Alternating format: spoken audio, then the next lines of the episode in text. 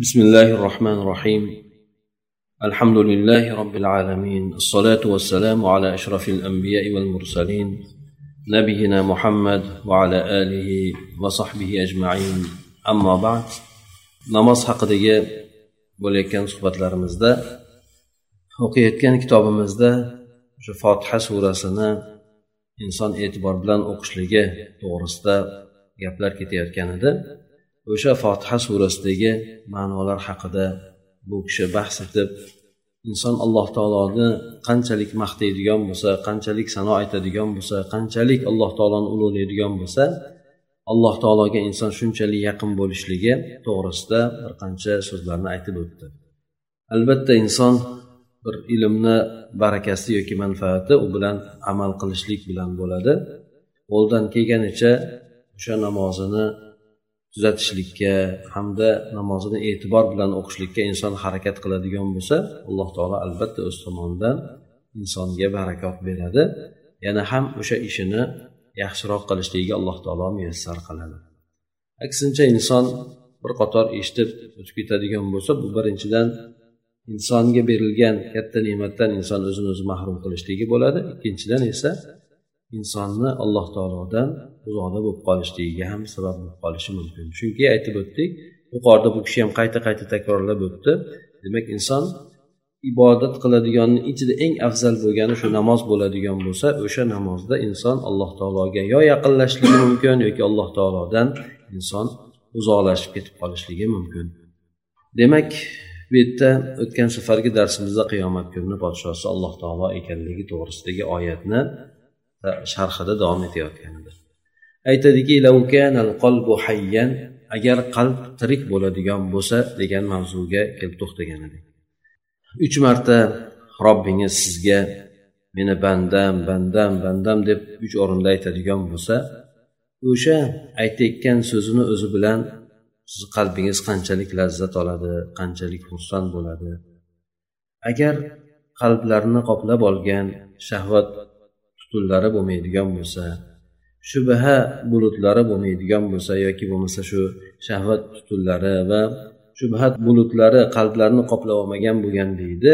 Siz robbingizni bandam menga hamd aytdi bandam menga sano aytib maqtadi bandam meni ulug'ladi degan gapiga qattiq xursand bo'lganligingizda qushdek uchgan bo'lardingiz deydi.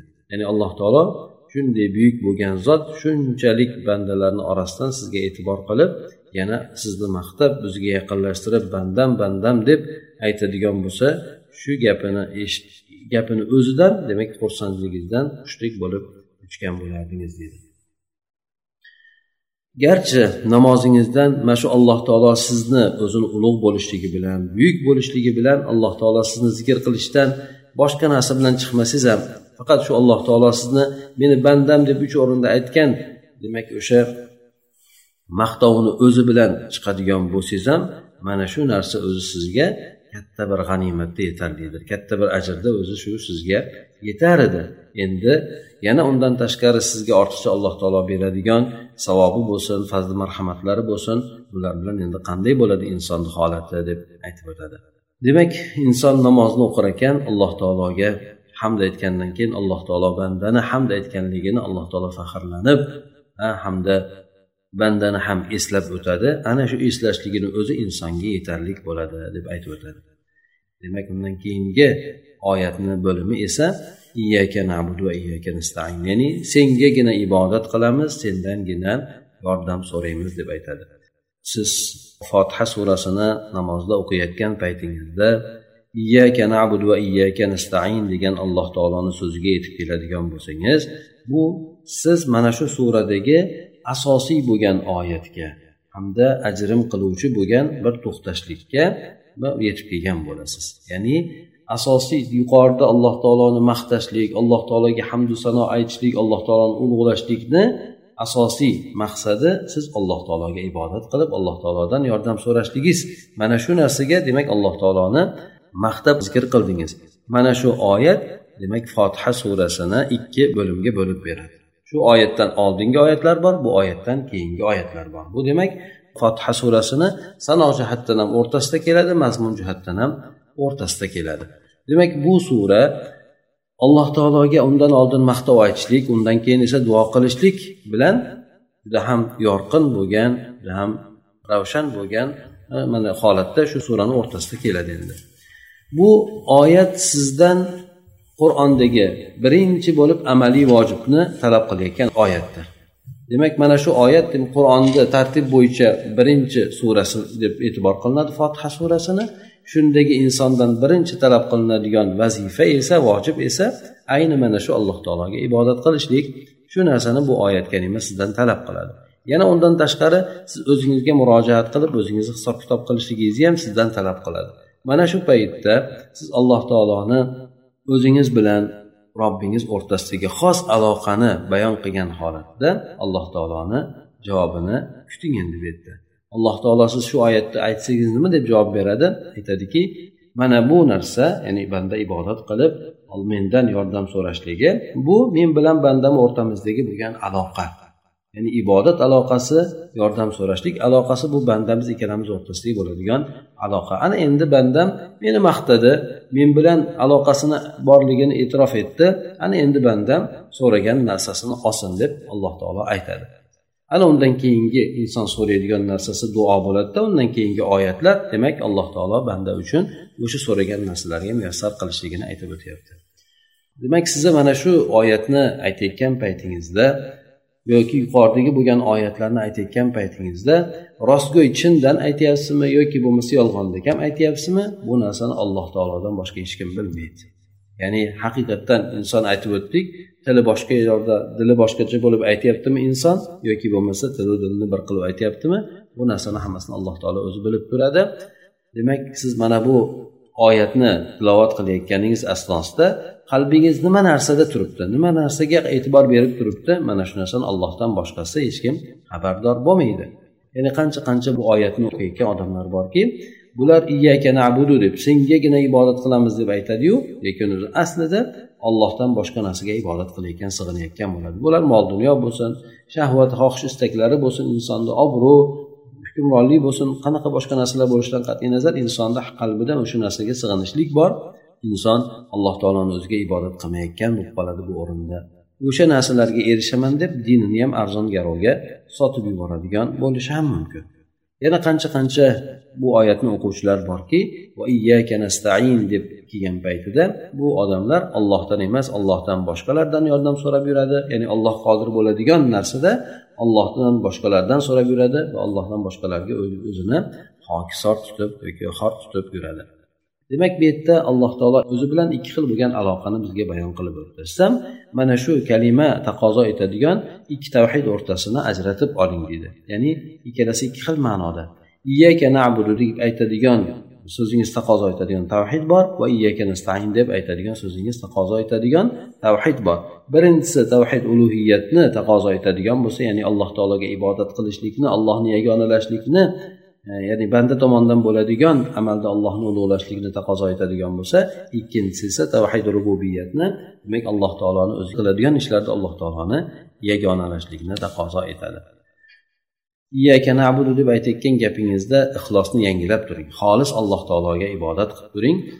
Ya'ni bu deganingiz ma'nosi parvardigor olam ibodatim bilan faqat senigina iroda qilaman. Qaysi ibodatni qiladigan bo'lsam faqat seni yuzing uchun xolis qilaman deb demak inson aytadi. Mana shu aynan demak qilayotgan insonni amali xolis alloh taoloni yuzi uchun qilishligini taqozo etadi yoki o'sha narsani o'z ichiga oladi. Shuningdek ilm o'rganadigan bo'lsa ham xolis allohni yuzi uchun o'rganadigan bo'ladi. Banda qilayotgan amali bilan bo'lsin o'rganayotgan ilmi bilan bo'lsin hech qanday bir riyoni bir xo'ja ko'rsin xo'ja eshitsin degan narsalarni yoki odamlarni o'rtasida bir mashhurlik degan narsani hech qachon umid qilmaydi. Alloh taolo qiladigan ibodat ikki aslni o'zida jam etadi. Bu alloh taoloni nihoyatda yaxshi ko'rishlik va alloh taologa inson o'zini judayam hokisor tutishligi. Mana shu ikki narsa ibodatni ichida mujassam bo'ladi. Arablar aytishadiki toriqun muabbat deyiladi. Ibodat degan so'zni ma'nosini ifoda qilib aytyapti bu kishi. Ibodat degan so'z albatta inson qiladigan ibodati lekin arablar ibodat degan so'zni qaysi so'zlarni ishlatadi desa aytadiki arablar toriqun muabbat deb aytadi muzallal ya'ni yo'l masalan bosib o'tiladigan yo'lni toriqun muabbat deyiladi. Taabbud deganni ma'nosi demak o'zini hokisor tutadigan judayam e, past tutadigan odamni aytadi. Huzur bilan turadigan odamni aytadi. Endi faman ahbabtahu lam takun lahu lam takun abidan lahu. Siz endi birovni yaxshi ko'radigan bo'lsangiz u unga to'liq hokisor bo'lmaydigan bo'lsangiz unga ibodat qiluvchi bo'lmaysiz. Shuningdek man lahu bila muhabbatin lam takun abidan lahu. Kimgadir endi yaxshi ko'rmasdan unga huzur qiladigan bo'lsangiz o'zizni hokisor tutadigan bo'lsangiz bunda ham ibodat qiluvchi bo'lmaysiz. Hatto siz to'liq suratda ham yaxshi ko'rib ham to'liq hokisor bo'lmaguningizgacha deydi. Demak inson alloh taoloni nafaqat masalan allohni yaxshi ko'radiganlar ko'p lekin alloh taoloni ibodatini qiladiganlar kam. Alloh taolo masalan kimlargadir inson huzur qiladi lekin u inson u mm, yaxshi ko'rmasligi mumkin. Majburlikdan kim oldidadir o'zini past tutishligi mumkin lekin ularni yaxshi ko'rmaydi. Demak ibodatda inson ham o'zi chin muhabbat qilishlik kerak ham inson o'zi o'shanga anglagan holatda pokisorlik qilish kerak. Mana shu ibodatni ikkita ichidagi asl bo'ladi inson buni alloh taolo uchun qiladi. Nastain degan so'zingiz bilan ya'ni parvardigor olam sendangina yordam so'raymiz deb aytayotgan so'zingiz bilan yana ham siz ojizligingizni alloh taologa muhtojligingizni o'zingizni quvvatingizdan kuch qudratingizdan alloh taoloni kuch quvvatiga ya'ni o'tishligingizni yangilab oling deydi. Ya'ni siz o'zingizni ojizligingizni yana ham bir e'tirof eting. Sendangina yordam so'raymiz deganda albatta biz ojizmiz parvardigor olam senga muhtojmiz. Ha o'zimizni kuch quvvatimizga emas balki seni kuch quvvatingga suyanamiz deb shu ixlosingizni yangilab oling. Xuddi shuningdek allohdan yordam so'rashlik ham ikkita buyuk bo'lgan aslni o'z ichida jam etadi bu birinchisi astiqatu billahi alloh taologa bo'lgan ishonch va alloh taologa bo'lgan suyanishlik. Sendan yordam so'raymiz deganda alloh taoloni o'sha narsalarga qodir ekanligini inson ishonadi va keyin alloh taoloni o'sha ishongandan keyin kuch qudratiga inson suyanadi. Ba'zan inson bir insonga ishonadiyu lekin unga ishongani bilan suyanmaydi. Nimaga? Undan inson behojat bo'lganligi uchun. Ha birovga ishonadi lekin unda ishi yo'q insonni. Undan o'zini behojat tutadi. Suyanmaydi. Ba'zan inson birovga ishonmasada lekin unga suyanadi. Nimaga? Unga hojati tushib turganligi uchun va uni o'rnini bosadigan odamni yo'q bo'lganligi uchun. Ba'zi odamga ishonmaydiyu lekin bo'pti deb turib o'shanga ishini topshirib suyanadi. Suyanishga majbur bo'ladi. Demak siz yana sendangina yordam so'raymiz deb aytayotgan paytingizda qalbingizda o'sha ibodat qilayotganingiz orqasidan kelib chiqadigan ujub ya'ni inson o'zidan ketib qolishligi shu narsani o'ldirishlikni qasd qiling deydi ya'ni o'zingizdan ketib qolishlikni o'zingiz barham bering shu narsaga. Nimaga? Abudu deganda sengagina ibodat qilamiz deganingizda ya'ni siz o'zingizga shu narsani sindirishligingiz uchun yoki shu narsani o'zingizga ogoh etish uchunki sizga bu ibodatdan hosil bo'layotgan narsa ibodatdan erishayotgan narsangiz sizni o'zingizni fazli marhamatingiz bilan yoki kuch quvvatingiz bilan hosil bo'lmayapti. Balki bu narsa alloh taoloni sizga yordam berganligi alloh taolo siz bilan birga bo'lib turganligi sababli hosil bo'lyapti demak inson ibodatda oladigan rohat lazzati ham albatta alloh o'zi tomonidan bo'layotgan ishlab chiqayotgan harakat sababli emas balki bu narsa aslida alloh taolo insonga yordam berayotganligi hamda inson bilan alloh taolo birga turganligidan bo'ladi. Ya'ni inson o'zida sodir bo'ladigan har qanday yaxshilikka bo'lgan intilishlikni avvalo alloh taologa nisbatlash kerakki inson o'zidan ketib qolmaslik kerak shu. Mendagina bor men o'zim kuchim bilan erishdim men o'zimgina shu narsani qilganman yoki boshqa erishganman deb inson o'zidan ketmasin balki alloh taolodan bu narsalarni yordam so'ragandim alloh taolo menga bergan deb o'zini ojizligini e'tirof etsin deydi sahoba ikromlar bu alloh taoloni ya'ni sendangina yordam so'raymiz ya'ni sendangina degani boshqadan yordam so'ramaymiz faqat sendan yordam so'raymiz degani mana shu narsani tushunishlik borasida rostgo'y bo'lishgan hamda bu ollohdan yordam so'rashlik allohga tavakkul qilishlik borasida judayam ajoyib bir namunalarni ko'rsatishgan. Avf ibn molik al ashjai roziyallohu anhudan rivoyat qilinishicha payg'ambar sallallohu alayhi vasallam sahobalardan bir jamoasiga bayat qilganda ularga qo'shimcha alohida bir kalimani sirran aytgan. Ya'ni ularga alohida qo'shimcha so'zni qo'shib bergan payg'ambar alayhisalom bayat asnosida. Ya'ni odamlardan biron narsani so'ramaysizlar. Shu qo'shimchani aytgan odamlardan biron narsani so'ramaysizlar. Avf ibn molik aytadilarki ana o'sha payg'ambar alayhissalomga shu sohada bayat qilgan ba'zilarni ko'rdim deydi. Ularni qamchisi tushib ketadi. Qamchisi insonni ulovni tepasida turganda tushib ketadi. Shunda bironta odamdan uni olib berishligini so'ramasdi deydi. O'zlari tepadan tushib o'zlari olishardi. Bu endi payg'ambar alayhisalom ularga xos qo'shimcha qilgan bay'atlar endi. Albatta inson so'rasa bo'ladi. O'zi odatda masalan olib bering desa bo'lmaydi emas bo'ladi. Lekin payg'ambar alayhisalom bularga o'sha odamlardan biron narsani so'ramaysizlar deb bayat qilgan paytda bular hatto shu narsalarni ham o'zini hojatlarini ham iloji boricha iloji boricha o'zlari ado etishlikka harakat qilishgan ekan. Bu o'sha alloh taologa bo'ladigan istiona ya'ni yordam so'rashlikni mukammal bo'lishligi uchun deb ular tushunishgan ekan yana bu tushuncha sahoba ikromlarni izlariga ergashgan tobeinlarni tilidan ham kelgan bir ogohlantiruv ovozi ham bo'lgan ulardan. Bu ogohlantiruv ovozi hasan basr rahmaullohni tillarida kelganki sen ollohdan boshqadan yordam so'rab yurmagin alloh taolo seni o'shanga topshirib qo'yadi deb aytgan ekan. Ha demak inson bilishi kerak nima narsada so'rash mumkin nima narsa so'rash mumkin emas boshqa odamlardan. Ha yoki qachon so'rash mumkin qachon so'rash mumkin emas. Insonga mana aytaylik oddiy misol kasallik ketib qoladigan bo'lsa inson doktordan davo so'raydi aytganda lekin undan oldin inson alloh taolodan so'rash kerak. Agar allohni unutgan holatda inson o'ziga bog'lanadigan bo'lsa alloh taolo insonni o'ziga topshirib qo'yadi qo'ldan kelsa o'sha odam o'sha hojatini o'tab bersin deydi. Endi inson ollohdan oldin so'raydigan bo'lsa boshqadan so'raydigan taqdirda alloh taolo uni xorlik holatga qo'yib qo'ymaydi. Bu tajriba qilib kuzatilgan narsa. Ya'ni bu insonni sizga ya'ni siz unga muhtoj bo'lib borganligingizdan inson alloh taoloni so'raganligi uchun alloh taolo sizni xor holatga qo'yib qo'ymaydi. Ya'ni qandaydir bir holatni siz o'sha xor bo'lmagan holatda u ham sizga o'zi yordam beradigan bo'lib boshqa chiqib ketasiz. Endi bu yerda siz o'zi yolg'izsizu lekin jam siyg'asi bilan kelyapti. Sengagina ibodat qilamiz deb ko'plik formasida aytyapsiz. Sendangina yordam so'raymiz deb ko'plik formasida aytyapsiz. Lekin siz o'zingiz yolg'izsiz endi siz o'zingiz demak bittasizu lekin biz sengagina ibodat qilamiz deb aytib o'tyapsiz demak bu yerda siz bu gapni aytishlik bilan siz ham o'sha musulmonlar jamoasidagi bir shaxs ekanligingizni isbot etayotgan bo'lasiz. Va yana siz o'sha ko'pchilikdan bir juz ekanligingizni bir bo'lak ekanligingizni eslayotgan bo'lasiz. Ya'ni men o'zim yolg'iz emasman ummatni bir bo'lagiman deb o'zingizda ummatni ichidagi bir odam ekanligingizni siz his etayotgan bo'lasiz. Yana bu o'sha tirik jasadni ichidagi faol bo'lgan a'zo ekanligingizni his qilayotgan bo'lasiz. Bu bilan esa siz o'zingizdagi manmanlik degan narsani o'ldirasiz va o'zingizdagi ijobiylikni jonlantirasiz. Va yana o'zingizni jamiyatingizga ummatingizga nisbatan o'zingizni faol ekanligingizni ta'kidlab berasiz deydi. Yana bu yerda boshqa bir ma'no ham bor buni ostida. Ha bu jam suratda keltirishligi sababida siz o'zingizni nuqsonli ekanligingizni xato kamchiliklarga yo'l qo'yuvchi ekanligingizni e'tirof etishligingiz bor va yana alloh taoloni huzurida yolg'iz o'zingiz turishlikka haqli emasligingizni e'tirof etishligingiz bor.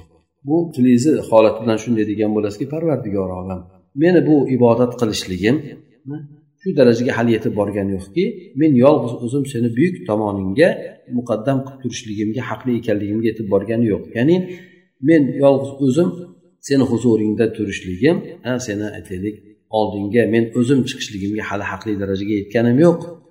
Chunki meni qilayotgan ibodatim bu kamchilik xato nuqson suskashlik boshqa narsalar bilan yo'q aralashib ketgan narsa. Shuning uchun parvardigori olam ya'ni solih bo'lgan bandalaringni ibodati bilan o'ralgan holatda men senga ibodatimni taqdim qilyapman. Ya'ni bu aytyaptiki la jalisuhum degan hadis keladiku ya'ni ular bilan o'tirgan odamlar baxtiqaro bo'lmaydi degan. Ya'ni bu mazmunni tushunadigan bo'lsak farishtalarni alloh taolo yer yuziga yuboradi. Ular ollohni zikri bo'ladigan joylarni istab yurishadi. O'sha joyni ular topgan paytida alloh taologa xabarini berishadi. Alloh taolo u bandalardan so'raydi. Ya'ni masjiddagi yoki allohni uylaridagi bo'lgan joylarda alloh taoloni zikrini qilib o'tirgan odamlarni orasida bular ko'rgandan keyin alloh taologa xabarni yetkazishadi. Alloh taolo demak o'sha farishtalardan keyin so'raydi. Bular nima qilyapti? Parvardigorim senga hamd aytishyapti seni eslashyapti seni ulug'lashyapti deb farishtalar bir qancha amallarni aytib o'tadi. Keyin alloh taolo aytadiki u bandalarim meni ko'rganmi? deydi. Yo'q parvardigor olam seni ko'rmagan deydi. Agar ko'rganda qanday bo'lardi ekan qanday ulug'lashardi ekan ha bu bilan deydi. Alloh taolo farishtalarga avvalgi aytgan gaplariga ha ya'ni aytishgan parvardigor olam sen yer yuzida fasod qiladigan buzg'unchilik qiladigan qon to'kadigan odamlarni o'rinbosar qilamiz sanmi mana biz turibmizu deb farishtalar al baqara surasini tafsirida keladiyu. O'shanda demak alloh taologa aytishadi shunday deb. Ha keyin alloh taolo ularga o'sha bandalari bilan faxrlanadi ko'rdinglarmi deydi. Ha ko'rdinglarmi bular? Sizlar meni ko'rib bilib turib ibodat qilyapsizlar. Ular ko'rmasdan turib shuncha ibodat qilishyapti. Agar ko'rganda nima qilishardikin meni? Qanday ibodat qilishardikin deb aytadi. Keyin alloh taolo guvoh bo'linglar deydi o'shalarni gunohini kechirdim deb aytadi. Shunda farishtalar aytadiki alloh taologa shu mazmunda keladi qissa. Ya'ni parvardigor olam ularni orasiga kirib qolgan odamlar bor. Ya'ni kimdir bir ish bilan kelganda o'sha majmuani ichidagi odam emas ya'ni ko'chadan birovni chaqirib kelmoqchi bo'lgan o'sha yerda bir odamni ishi bo'lgan ya'ni xullas kalom boshqa ish bilan kelib turib o'sha yerda o'tiribdi xolos hozir u odam. Deb ya'ni u odam ularni ichidan emas u degan mazmunda ular aytishgan paytda alloh taolo aytadiki yo ular deydi kim ular bilan o'tiradigan bo'lsa ular ham baxtiqaro bo'lmaydi. Ular bilan birga o'tiradigan odamlar ham o'sha nasibaga erishadi deb demak hadisni mazmunida keladi. Bu nimani anglatadi bu kishi aytayotgan narsa demak ko'plik siyg'asida aytayotganligida biz sengagina ibodat qilamiz biz sendangina yordam so'raymiz deb aytayotgan paytida ikki narsa bor deydi inson birinchidan ya'ni o'zini jamoatni ichida ekanligini islom ummatini ichida bir a'zo ekanligini inson e'tirof etishligi bor. Parvardigor olam men yolg'iz emasman. Men jamoatni a'zosiman deb inson o'zida shu narsani e'tirof etishligi bor. Ikkinchi tomondan esa parvardigor olam meni qilayotgan ibodatim senga ko'tarishlikka arzimaydiyu yonimdagi boshqa bo'lgan solih bo'lgan bandalarning ibodati sababli men ham ibodatimni taqdir qilyapman o'shalar sababli meni ham ibodatlarimni qabul qilgin deb aytmoqchi bo'ladi inson ikkinchi mazmunida shu bu kishi shu narsani aytib o'tyapti. E, ular bilan birga o'tirgan kimsalar baxti qaro bo'lmaydi deganligi men ham shu keldimu ibodat qildim qo'limdan kelgancha lekin asosan mavzu yoki bo'lmasa asosan qilayotgan odamlar o'shalarni ibodatni yetkazib qilayotgan odamlar. Meniki endi shunchaki ularga bir qo'shimcha suratda shunday bo'lsa ham qabul qilgin deb aytib o'tadi inson. Demak bu bilan esa inson kamtarinlik jilbobini kiyimini kiygan va umid kiyimini kiygan holatda inson shunday ya'ni o'zini kamtarin tutib hamda alloh taolodan umid qilib inson shu holatda ekanligini alloh taologa bayon etadi deydi سبحانك اللهم وبحمدك نشهد أن لا إله إلا أنت نستغفرك ونتوب إليك اللهم انفعنا بما علمتنا وعلمنا ما ينفعنا وزدنا علما